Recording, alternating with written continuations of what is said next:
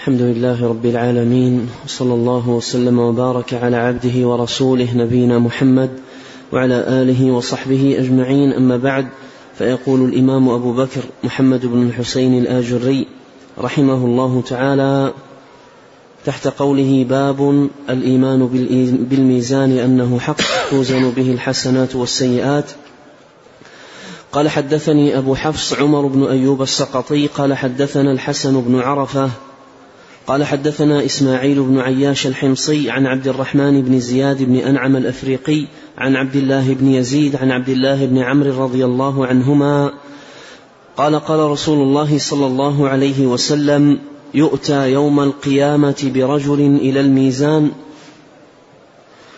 ويؤتى بتسعة وتسعين سجلا كل سجل منها مد البصر فيها خطاياه وذنوبه فتوضع في كفة الميزان ثم يخرج بقدر أنملة فيها شهادة أن لا إله إلا الله وأن محمد رسول الله فتوضع في الكفة الأخرى فترجح بخطاياه وذنوبه. بسم الله الرحمن الرحيم. الحمد لله رب العالمين. وأشهد أن لا إله إلا الله وحده لا شريك له. وأشهد أن محمدا عبده ورسوله. صلى الله وسلم عليه وعلى آله وأصحابه أجمعين. اللهم علمنا ما ينفعنا وانفعنا بما علمتنا وزدنا علما وأصلح لنا شأننا كله ولا تكلنا إلى أنفسنا طرفة عين. أما بعد فلا نزال في الباب المتعلق بإثبات الميزان يوم القيامة.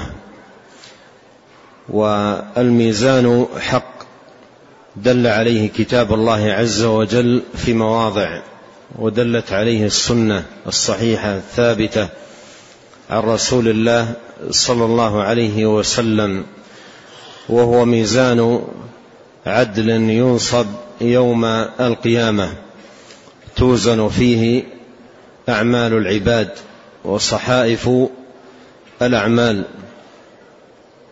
وهو ميزان بمثاقيل الذر كما قال الله سبحانه وتعالى فمن يعمل مثقال ذرة خيرا يره ومن يعمل مثقال ذرة شرا يره.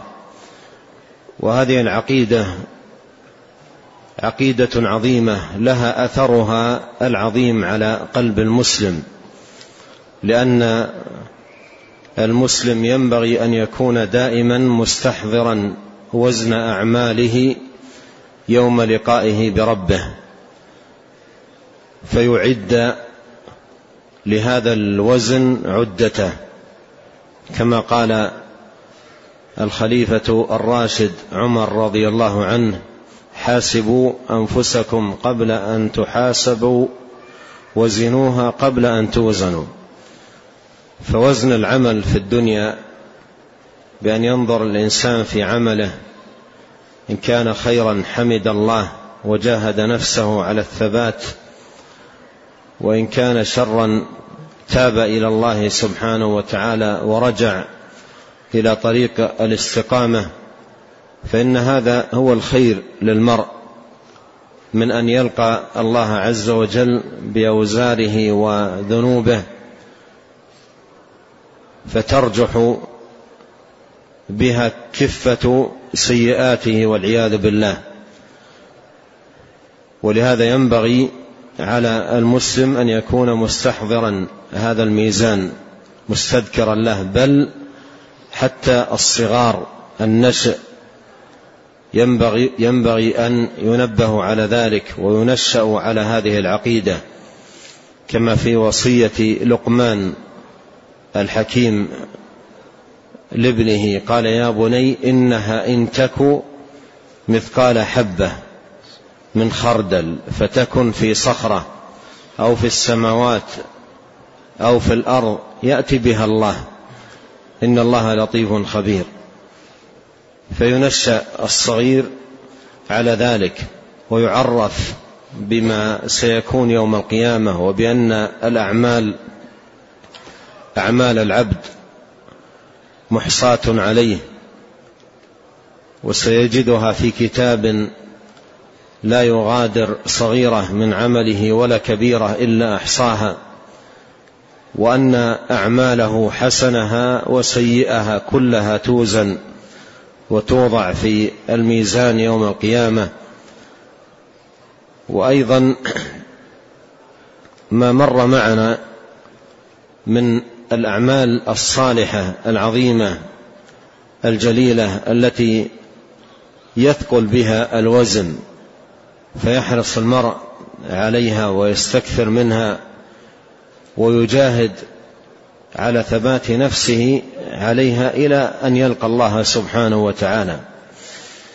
وعلى كل العقيدة في الميزان وثبوته وأنه حق واستحضار هذه العقيدة لها أثر عظيم جدا على العبد في استقامته ومجانبته للظلم والإثم والبغي ونحو ذلك. وقد جاء في الجامع للإمام الترمذي رحمه الله تعالى أن رجلا سأل النبي عليه الصلاة والسلام قال إن لي مماليك يخونونني ويكذبونني وذكر شيئا من أعمالهم. قال وأنا أشتمهم وأضربهم. يعني هذه أعمالهم وهذه أعمالي معهم وأنا أشتمهم وأضربهم.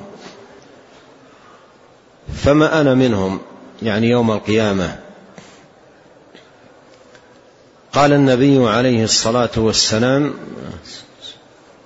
يؤتى بكذبهم وغشهم وظلمهم وبعقابك لهم. فإذا كان العقاب الذي عاقبتهم به أشد وأكثر من أعمالهم اقتص لهم من عملك.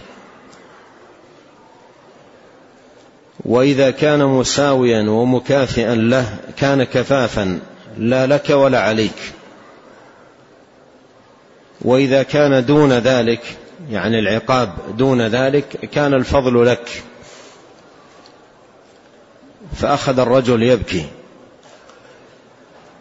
فقال له النبي عليه الصلاة والسلام أما تقرأ القرآن ونضع الموازين القسط ليوم القيامة فلا تظلم نفس شيئا وإن كان مثقال حبة من خردل أتينا بها وكفى بنا حاسبين. هذه العقيدة ولها أثر عظيم جدا. فلما تلا النبي عليه الصلاة والسلام هذه الآية كان لها وقعها العظيم وأثرها الكبير على نفس ذلك الرجل. فقال يا رسول الله ما أجد لي ولهؤلاء يعني المماليك خيرا من أن أعتقكم أن أعتقهم. أشهدكم أنهم عتقاء وأعتقهم. فالحاصل أن المرء إذا تذكر أن أعماله موزونة أن أعماله محصاة وأنه يوم وأنها يوم القيامة موزونة توزن في ميزان عدل وقسط ميزان بمثاقيل الذر فإنه سيعد ولا بد لهذا الميزان عدته. ولهذا فإن العقيدة في الميزان والإيمان به وثبوته وأنه حق استحضار المرء لهذه العقيدة له له الأثر العظيم البالغ على العبد في استقامته وبعده عن الإثم والظلم. أورد رحمه الله تعالى هذا الحديث حديث عبد الله بن عمرو بن العاص رضي الله عنهما أن النبي صلى الله عليه وسلم قال يؤتى برجل إلى الميزان ويؤتى بتسعة وتسعين سجلا كل سجل منها مد البصر فيها خطاياه وذنوبه فتوضع في كفة الميزان ثم يخرج بقدر أنملة فيها شهادة لا إله إلا الله وأن محمد رسول الله فتوضع في الكفة الأخرى فترجح بخطاياه وذنوبه.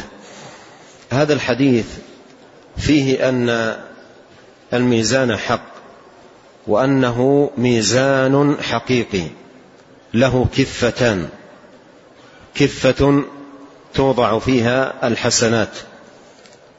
وكفة توضع فيها السيئات. فإما أن تثقل الحسنات فيكون من الفائزين المفلحين. وإما أن ترجح وتثقل كفة السيئات فمن ثقلت موازينه أي بالحسنات فأولئك هم المفلحون. ومن خفت موازينه فأولئك الذين خسروا أنفسهم. في جهنم خالدون. فالحاصل أن هذا الحديث فيه دلالة على ثبوت الميزان وأنه ميزان حقيقي له كفتان كفة للحسنات وكفة للسيئات. وأيضا فيه دليل على أن صحائف الأعمال أعمال العبد توضع في الميزان. صحائف فيها حسناته توضع في كفة وصحائف فيها سيئات توضع في الكفة الأخرى. صحائف الأعمال أعمال العبد المحصاة عليه توضع في الميزان صحائف الحسنات في كفة وصحائف السيئات في كفة. وهذا الرجل يؤتى يوم القيامة ويؤتى له بتسعة وتسعين سجل. هذه كلها صحائف أعمال سيئاته. كل سجل منها مد البصر أي من كثرتها. فيها خطاياه وذنوبه. فتوضع في كفة الميزان ثم يخرج بقدر أنملة يعني ورقة صغيرة أو بطاقة صغيرة فيها شهادة أن لا إله إلا الله وأن محمد رسول الله فتوضع في الكفة الأخرى فترجح بخطاياه وذنوبه. وجاء في بعض روايات هذا الحديث ولا يثقل مع اسم الله شيء. وهذا فيه ثقل الشهادتين في الميزان. كيف لا؟ وهما أعظم أعمال الدين والأساس الذي يبنى عليه دين الله تبارك وتعالى. وليس المراد بهذه البطاقة التي فيها أشهد أن لا إله إلا الله وأشهد أن محمدا رسول الله أن ذلك مجرد قول قاله. إذ إن كثير ممن يقول لا إله إلا الله توبقه خطاياه وتهلكه ذنوبه وكبائره فيدخل النار. قد دل على ذلك أحاديث كما في الصحيح من قوله عليه الصلاة والسلام يخرج من النار من قال لا إله إلا الله وفي قلبه أدنى مثقال ذرة من إيمان. قال يخرج من النار من قال لا إله إلا الله. اذا هناك ممن يقول لا إله إلا الله يدخل النار بسبب كبائره وذنوبه وخطاياه. لكن لما كان من أهل التوحيد ودخل النار بسبب بسبب عصيانه وذنوبه فإنه لا يخلد فيها. ولهذا قال عليه الصلاة والسلام يخرج من النار من قال لا إله إلا الله وفي قلبه أدنى مثقال ذرة من إيمان. والمنافق الذي يقول لا إله إلا الله عن عن غير عقيدة أصلا وعن غير إيمان وعن انطواء قلب بالكفر هذا لا تنفعه شيئا بل يخلد في النار أبد الآباد بل هو في الدرك الأسفل من النار. وهذا الرجل الذي ذكر في هذا الحديث والذي رجحت البطاقة التي فيها أشهد أن لا إله إلا الله وأن محمدا رسول الله. فإن أمره كما قال العلم قال أهل العلم رحمهم الله تعالى أنه جاء بهذه الكلمة عن إخلاص عظيم في قلبه فكان لها هذا كان لها هذا الأثر لما قام في قلبه من من عظيم الإخلاص لله سبحانه وتعالى. وهذا فيه أن لا إله إلا الله يعظم نفعها ويكبر أثرها بحسب ما قام في قلب قائلها من صدق وإخلاص لله سبحانه وتعالى. وفي هذا الحديث فضل كلمة التوحيد لا إله إلا الله وأنها أعظم الحسنات. ولما قال أبو ذر للنبي عليه الصلاة والسلام أفمن الحسنات لا إله, لا إله إلا الله؟ قال هي أحسن الحسنات. فلا إله إلا الله هي أحسن الحسنات وأجلها وأفضلها ولها الثقل العظيم في الموازين يوم القيامة والواجب على العبد أن تعظم عنايته بهذه الكلمة. تكرارا لها وتحقيقا لمدلولها وإخلاصا للمعبود إخلاصا للمعبود جل في علاه وبراءة من الشرك وخلوصا منه فيكون من أهلها حقا وصدقا لا مجرد قول بل قول وعمل. ومن قال لا إله إلا الله حقا وصدقا نفعته يوما من الدهر يصيبه قبل ذلك ما يصيبه. كما جاء بذلك الحديث عن النبي الكريم عليه الصلاة والسلام. الحاصل أن لا إله إلا الله هذه الكلمة العظيمة لها أثرها العظيم ولها شأنها في الميزان يوم القيامة. وفي الحديث قرن مع شهادة التوحيد الشهادة للنبي عليه الصلاة والسلام بالرسالة. وعلى هاتين الشهادتين قيام الدين كله. فإن شهادة أن لا إله إلا الله تعني توحيد الله وإخلاص, وإخلاص العبادة له جل في علاه.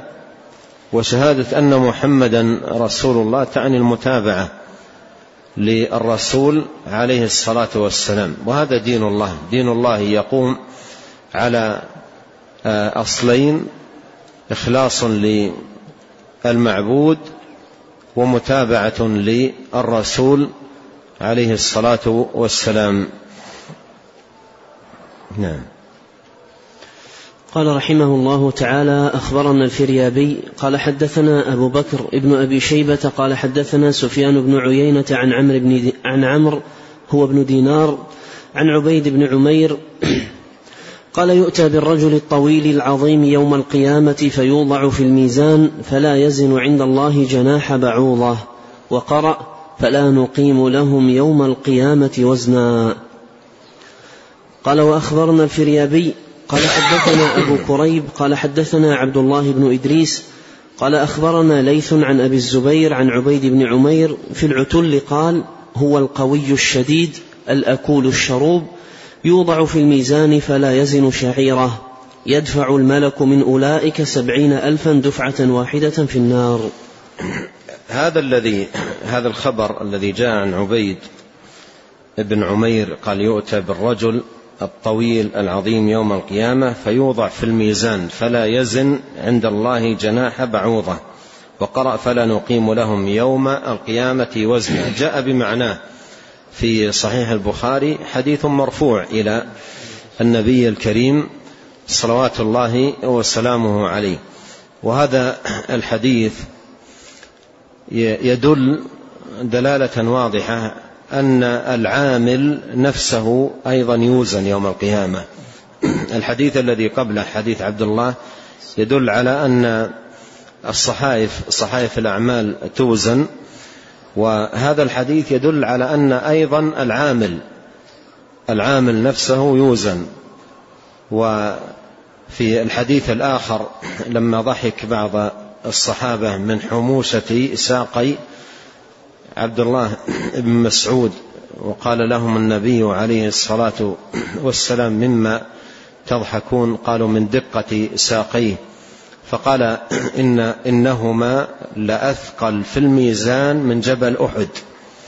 إنهما لأثقل في الميزان من جبل أحد وهذا يدل على أن العامل نفسه يوزن وأن أعماله توزن. وصحائف أعماله توزن وبكل جاء الدليل والحديث عن الرسول الكريم صلوات الله وسلامه عليه. نعم. قال رحمه الله تعالى وأخبرنا الفريابي قال حدثنا أحمد بن سنان قال حدثنا يحيى بن إسحاق السيلحيني قال أخبرنا ابن لهيعة عن خالد بن أبي عمران عن القاسم بن محمد عن عائشة رضي الله عنها قالت قلت يا رسول الله هل يذكر الحبيب حبيبه يوم القيامة؟ قال أما عند ثلاث فلا أما عند الميزان حتى يميل أو يخف فلا وأما عند الكتب حتى يعطى كتابه بيمينه أو شماله فلا وأما حين يخرج عنق من النار فيقول ذلك العنق وكلت بثلاثة وكلت بالذي ادعى مع الله إلها آخر وبكل جبار عنيد ووكلت بكل متكبر لا يؤمن بيوم الحساب. قال حدثنا أبو محمد يحيى بن محمد بن صاعد قال حدثنا حميد بن عياش الرملي قال حدثنا مؤمل بن إسماعيل قال حدثنا مبارك عن الحسن قال, قال قالت عائشة رضي الله عنها بين رسول الله صلى الله عليه وسلم في حجري فذكرت قربه مني في الدنيا وتباعد الناس بأعمالهم في الآخرة فبكيت فقال لي ما يبكيك يا عائشة؟ فقلت ذكرت قربك مني في الدنيا وتباعد الناس بأعمالهم في الآخرة هل تذكرون أهليكم يوم القيامة يا رسول الله؟ قال أما في ثلاثة مواطن إذا تطايرت الصحف وقيل هاؤم اقرأوا كتابيه لم يذكر أحد أحدا حتى يعلم أبي يمينه يعطى أم بشماله. وإذا وضعت الأعمال في الميزان لم يذكر أحد أحدا حتى يعلم أيثقل ميزانه أم يخف. وإذا حمل الناس على الصراط لم يذكر أحد أحدا حتى يعلم ينجو أم لا. ثم أورد رحمه الله تعالى هذا الحديث حديث أم المؤمنين عائشة رضي الله عنها في سؤالها للنبي صلوات الله وسلامه عليه هل يذكر الحبيب حبيبه يوم القيامة أما أن شدائد يوم القيامة وأهوال ذلك اليوم تنسي المرء؟ والقرآن دل على ما هو أعظم من ذلك في قوله عز وجل يوم يفر المرء من أخيه وأمه وأبيه وصاحبته وبنيه لكل امرئ منهم يومئذ شأن يغنيه. فكل مشغول بهم نفسه ويفكر في نجاته هل يكون من الناجين أو لا يكون.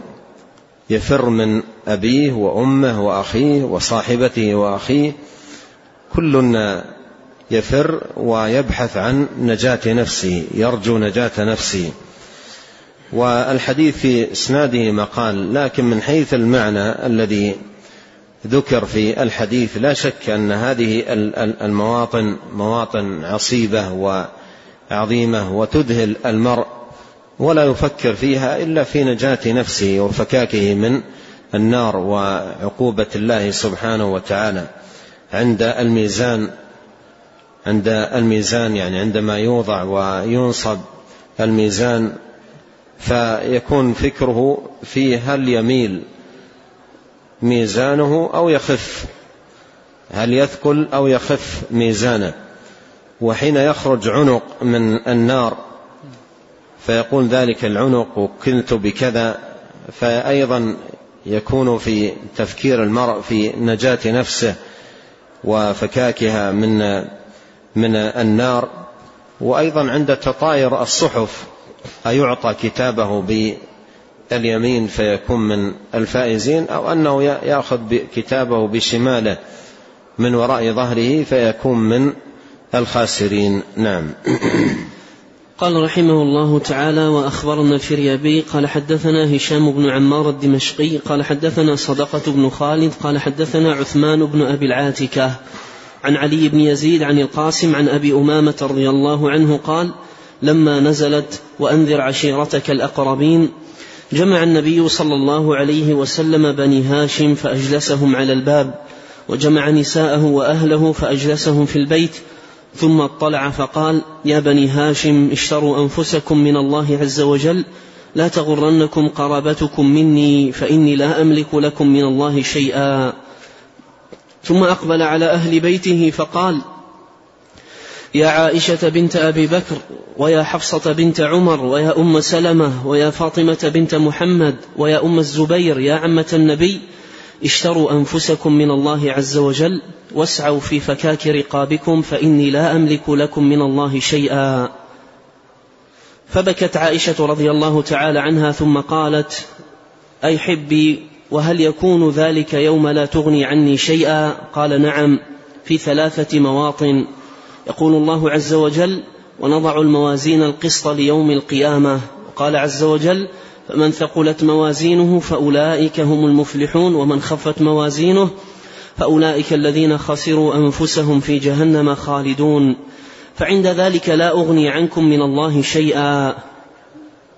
وعند النور من شاء الله عز وجل أتم نوره ومن شاء تركه في الظلمة يعمه في يعمه فيها. فلا أملك لكم من الله شيئا. وعند الصراط من شاء الله عز وجل سلمه وأجاره ومن شاء كبكبه في النار. قالت عائشة رضي الله عنها أي حبي قد علمنا أن الموازين هي الكفتان ويوضع في هذا الشيء وفي هذا الشيء فترجح إحداهما وتخف الأخرى. وقد علمنا النور والظلمة فما الصراط؟ قال طريق بين الجنة والنار يجاز الناس عليها وهي مثل حد الموسى والملائكة صافون يمينا وشمالا يتخطفونهم بالكلاليب. مثل شوك السعدان وهم يقولون رب سلم سلم وأفئدتهم هواء فمن شاء الله سلمه ومن شاء كبكبه فيها.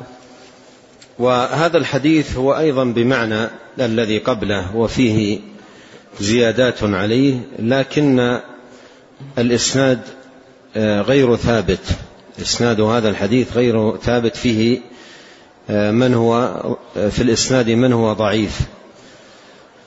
وأيضا الآية الكريمة وهي قوله عز وجل وأنذر عشيرتك الأقربين نزلت على النبي عليه الصلاة والسلام في مكة وكانت نذارته لعشيرة في مكة كما جاءت بذلك الأحاديث آه، الصحاح الثابتة عن النبي الكريم عليه الصلاة والسلام. ولهذا فإن الحديث من حيث الإسناد غير غير ثابت وبعض الألفاظ التي في الحديث فيها شيء من النكارة. نعم.